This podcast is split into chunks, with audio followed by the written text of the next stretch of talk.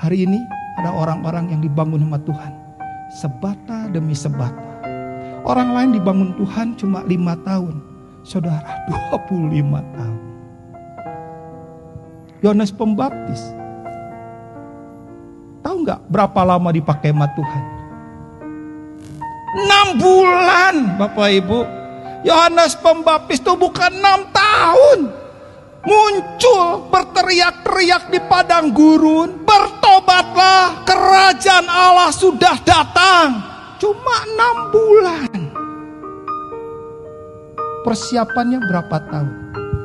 Tiga bulan, tiga hari. No. Yohanes Pembaptis. Persiapan Tuhan dalam hidupnya 30 tahun. Gerakan di dalam kuat. Enam bulan cukup mengubah hati bangsa Israel. Berubah dan mencari Tuhan.